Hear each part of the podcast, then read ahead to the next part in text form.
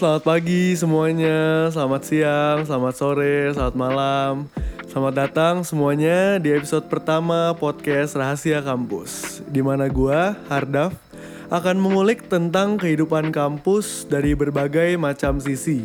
Misalnya, aktivitas-aktivitas di kampus, pertemanannya seperti apa, dan juga tips belajar. Nah, untuk episode kali ini, gue akan ngobrol bersama seorang narasumber, Akila namanya, mengenai aktivitas di kampus, khususnya tentang kepanitiaan dan organisasi. Nah, sebelum kita mulai, mungkin kita perkenalan dulu ya. Halo Akila, apa kabar? Halo Dav, baik. Ya Akila, Akila nih eh, mahasiswa apa, jurusan apa, dan angkatan berapa? Gue anak musik uh, angkatan 2019 dan dari Universitas Pelita Harapan. Oh, tahun tahun ketiga berarti ya ini ya? Iya. Nah, tahun ketiga harusnya pengalamannya udah banyak nih. Nah, Akila, coba dong ceritain dikit tentang pengalaman lu di organisasi dan kepanitiaan kampus. Oke, kebetulan gue ada experience di keduanya ya. Jadi organisasi gue ada beberapa. Jadi ada yang uh, organisasi kemahasiswaan jadi kayak representatif hmm. uh, dari mahasiswa gitu. Uh, ada yang tingkat universitas ada ada yang tingkat jurusan ada. Jadi oh, okay. uh, himpunan mahasiswa musik gitu. Uh, dan juga ada uh, pengalaman di ekstrakurikuler. Kan gue aktif di band club namanya art band UPH oh, gitu. iya, jadi iya. gue juga ngurus ngurus di sana gitu Nah, terus nextnya kepanitiaan ya. Wah, banyak sih. Ada jadi anggota ada, jadi kepala divisi ada, dan jadi BPH atau core organizational teamnya juga ada. Hmm. Um, juga macam-macam sih divisinya. Gue ada experience di registrasi, dia ngurus uh, bikin form registrasi, obviously, dan juga ya SOP kalau misalnya orang registrasi tuh harus apa-apa-apa gitu. Itu registrasi dan satu lagi dana. Dana itu cari-cari ide buat raise funds buat suatu acara. Oke bendahara gitu ya. Iya mereka collab sama bendahara. Cuma uh, lebih ke perintilan-perintilannya gitu loh. Hmm oke oke. Wah Akila lumayan aktif ya ternyata di kampus. Lumayan banyak juga kegiatannya. Nah Coba Akila ceritain singkat dong gimana sih kehidupan di kampus khususnya sekarang nih lagi masa pandemi. Ya beda banget sih sama offline kan kalau angkatan gue kan kayak uh, tahun pertama tuh setengah offline setengah online gitu dan uh, it's pretty tough juga transisinya.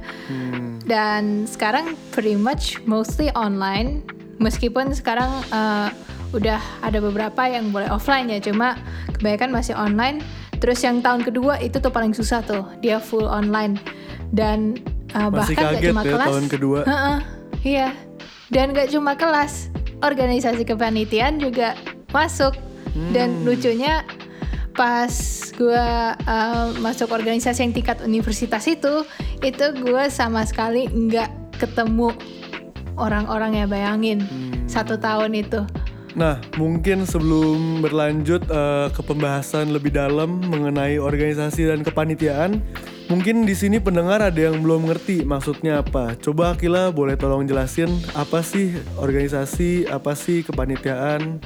Oke, kita ke organisasi dulu ya. Jadi yeah. organisasi itu pokoknya orang-orang yang dibalik suatu ya organisasi gitu. They run the organization jadi ada yang um, misalnya tingkat universitas, jadi mereka ngurus, mereka ngambil anak-anak lintas jurusan gitu, dan juga masalahnya masalah uh, yang di lingkup universitas. Terus hmm. yang jurusan itu mereka masalahnya uh, lingkupnya jurusan itu doang. Hmm. Terus ada juga organisasi yang uh, ngurusin ekstrakurikuler gitu kan. Nah terus kalau kepanitiaan itu orang-orang di balik suatu acara. Oh. Okay, Jadi okay. mereka cuma temporary aja uh, selama acara itu berlangsung. Terus habis itu udah sih. Jadi mereka pokoknya make sure acara itu berjalan dengan lancar. Hmm. oh jadi kepanitiaan tuh ada karena eh, sebuah acara gitu ya singkatnya. Iya. Iya. Nah, untuk organisasi atau kepanitiaan, ada apa aja sih di kampus? Nah, ada banyak sih. Uh, jadi kalau organisasi, uh, mungkin disclaimer dulu di tiap kampus namanya beda-beda ya. Uh, hmm. Tapi ini pasti ada kok di semua kampus. Jadi ada beberapa tipe. Yang satu itu uh, organisasi kemahasiswaan. Jadi dia bersifat perwakilan mahasiswa gitu dan ada ada yang tingkat universitas, ada yang tingkat jurusan. Nah.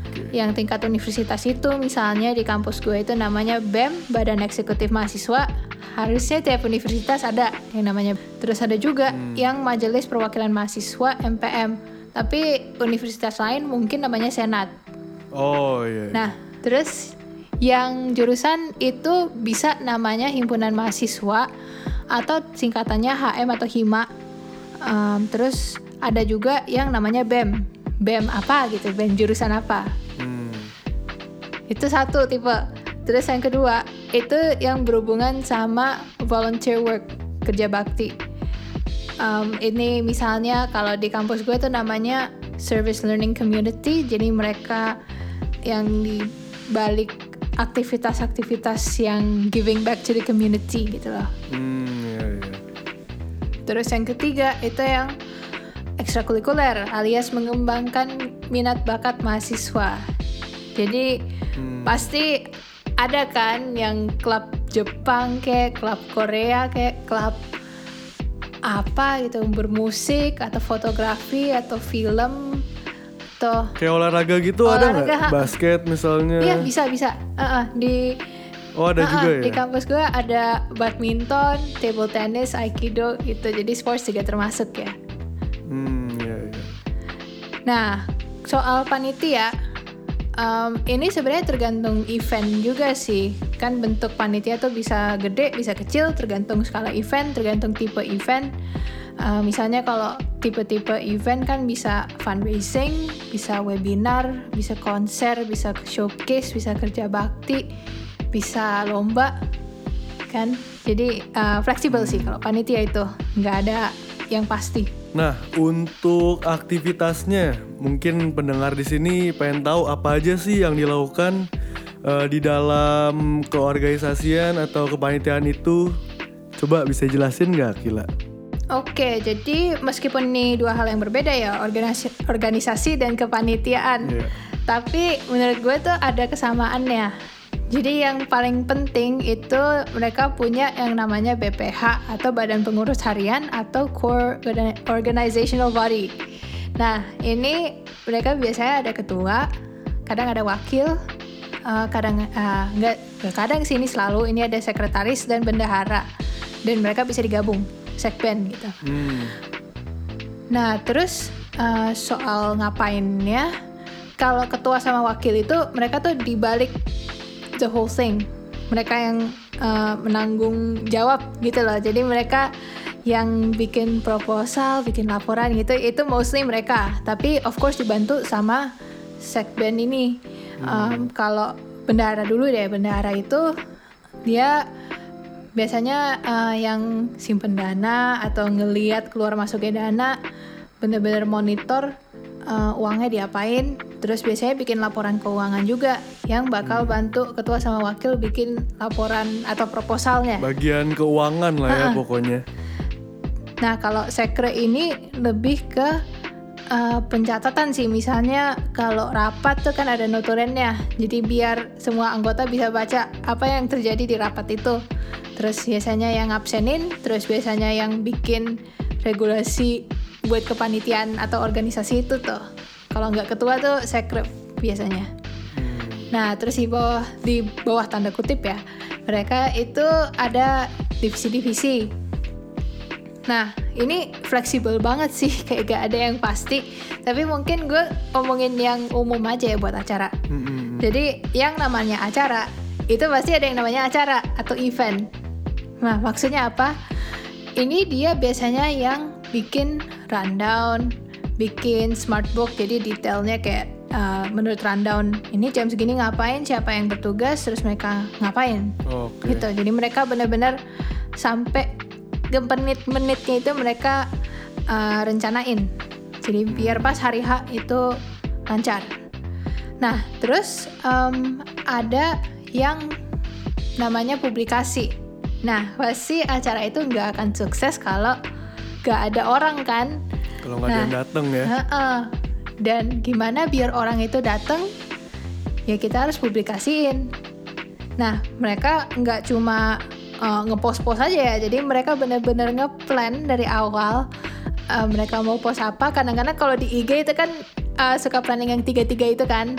Nah Oh, mereka tuh, iya, iya. Ha, mereka tuh dibalik yang itu. Terus mereka juga harus make sure kan uh, jelas target audiensnya siapa, biar mereka bisa um, ngeplannya itu sesuai target audience mereka. Itu publikasi. Terus kalau yang acara itu yang pasti ada registrasi. Kan ini juga berhubungan sama orang juga kan. Jadi kalau registrasi itu biasanya yang bikin form biasanya ada form registrasi ada re-registrasi ada juga form evaluasi dan um, gak itu juga tapi mereka juga bikin SOP secara keseluruhan. SOP itu Standard Operating Procedure. Jadi um, misalnya A uh, atau nomor satu. Nomor satu orang ini daftar. Terus nomor dua kita apain? Itu misalnya kirim email konfirmasi. Nah registrasi itu juga ngurus tuh email konfirmasi gitu-gitu. Dan make sure mereka mendistribus- mendistribusikan informasi yang tepat ke peserta. Iya. misalnya kalau online kan zoom link segala macam kan. Terus jam hari gitu. Em, terus yang kemungkinan besar ada itu dana. Dana yang seperti gue bilang dari awal itu mereka ngurus gimana sih cara cari dana. Nah kan salah satu yang paling umum di kalangan mahasiswa ini kan paid promote. Hmm, Nah, iya, itu iya. biasanya mereka yang rancang eh, paket-paketnya apa aja, terus mereka bantu publikasiin, terus mereka sendiri yang ngomong-ngomong sama vendornya, eh, biar disetujuin ke tanggal berapa, jam berapa gitu. Terus mereka komunikasiin iya, ke iya. panit, eh harus pan harus pasang paid promote tanggal segini, jam segini gitu. Hmm, Biasanya gitu. Terus ada apa lagi ya? Oh ya, biasanya kalau lomba atau webinar itu kita ada yang namanya materi. Jadi materi itu mereka ngurus sebenarnya daging dari acara ini apa sih? Apa sih yang mereka mau peserta tuh mau bawa pulang gitu dari acara itu? Inti esensinya ya, intinya esensinya. Iya. Dan mereka juga bisa cari-cari speakers kalau misalnya webinar. Um, nah, speakers itu perlu proposal segala macam loh. Jadi nggak bisa cuma sembarang nelpon orang gitu, eh mau ngomong nggak di webinar nggak bisa itu. Itu harus uh, terutama kalau di universitas gitu kan, ini saya ngurus sama atasan gitu, jadi harus disetujuin segala macam gitu. Um, terus apa lagi ya? Kayaknya itu aja sih. Kalau soal Itu aja kepanitiaan yang pasti ada. Hah. Nah, kalau ngedengerin dari tadi kan kayaknya wah aktivitasnya banyak banget. Nah, pertanyaannya nih, capek nggak sih? Oke, kalau capek atau enggak, tentunya capek. Mau online mau offline, pokoknya capek. Karena Hmm, em, kalau kepanitiaan organisasi itu butuh banyak brain power gitu loh. Terutama kalau megang acara gitu kan, kayak harus ngeluarin ide, rapat-rapat gitu kan, bikin proposal. Kalau misalnya jadi PPH gitu. Dan kalau misalnya offline kan perlu lari-lari. Siapa tahu kayak eh, kelas lo yang terakhir sama rapat yang abis itu kan tempatnya jauh mungkin gitu atau Oh, enggak iya, iya, ke iya. venue-nya jauh atau enggak bolak-balik kayak bantu eh, bawa-bawa barang dari di mana pun lu berada sama venue-nya gitu.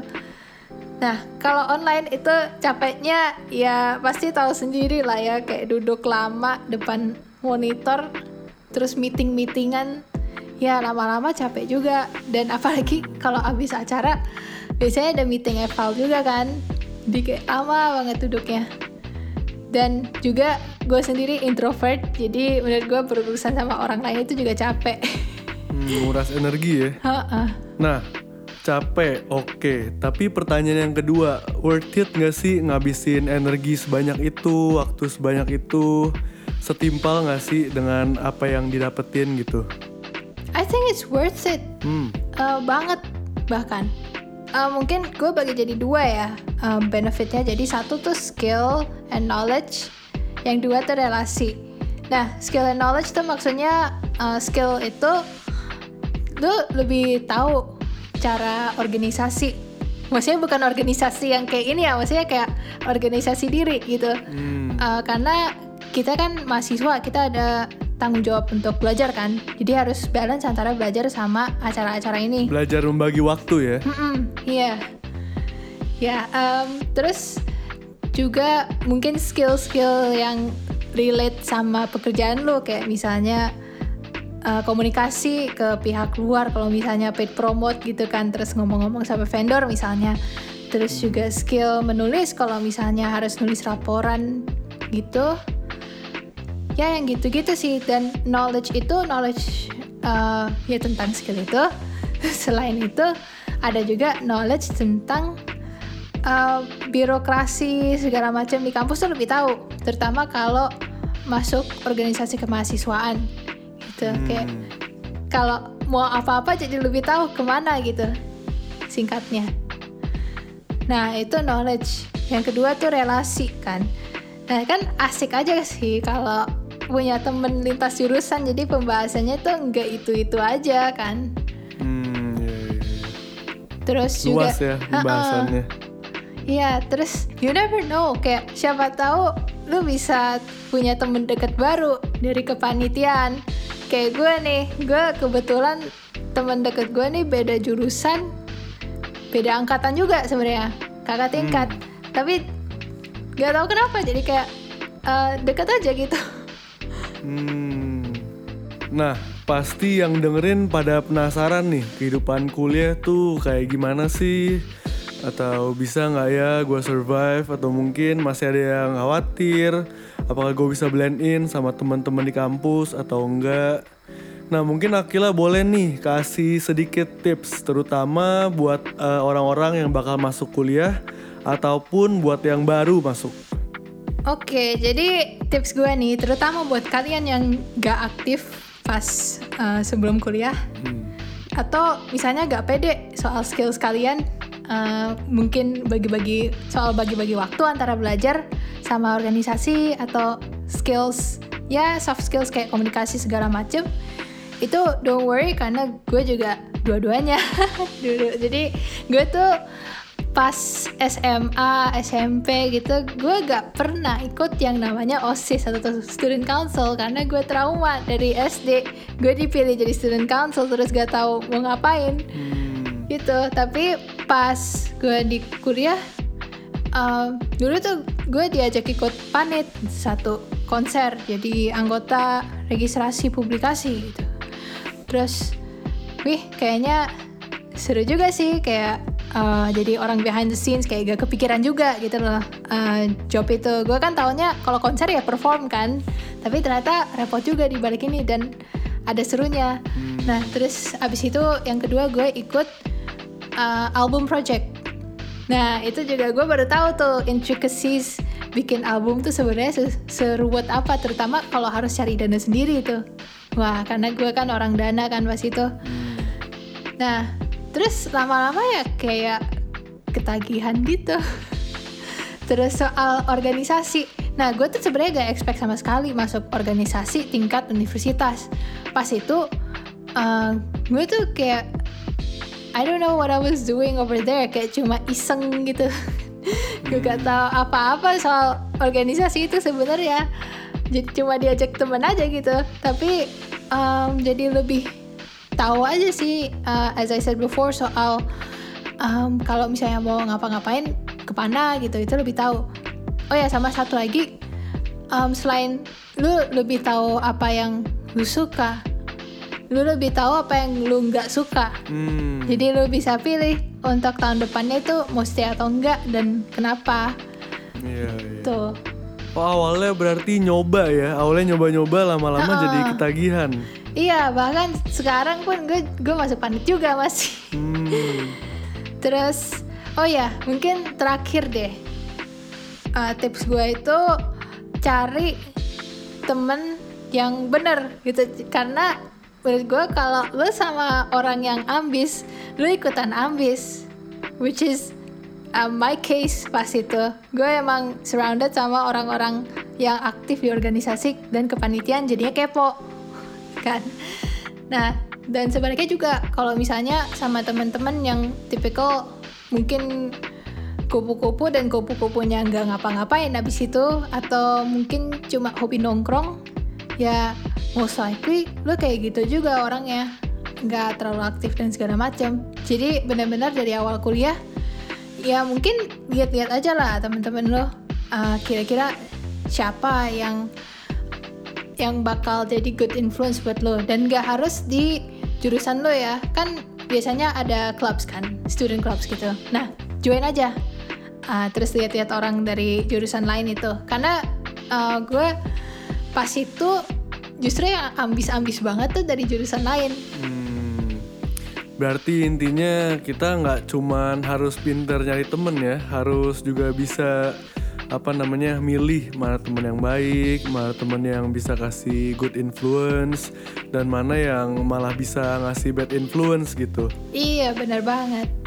Oke deh, mungkin segitu dulu ya podcast rahasia kampus episode kali ini. Thank you banget Akila udah mau meluangkan waktu buat jadi narasumber kita di episode ini. Terima kasih juga semuanya yang udah setia dengerin sampai akhir. See you guys on the next episode. Bye.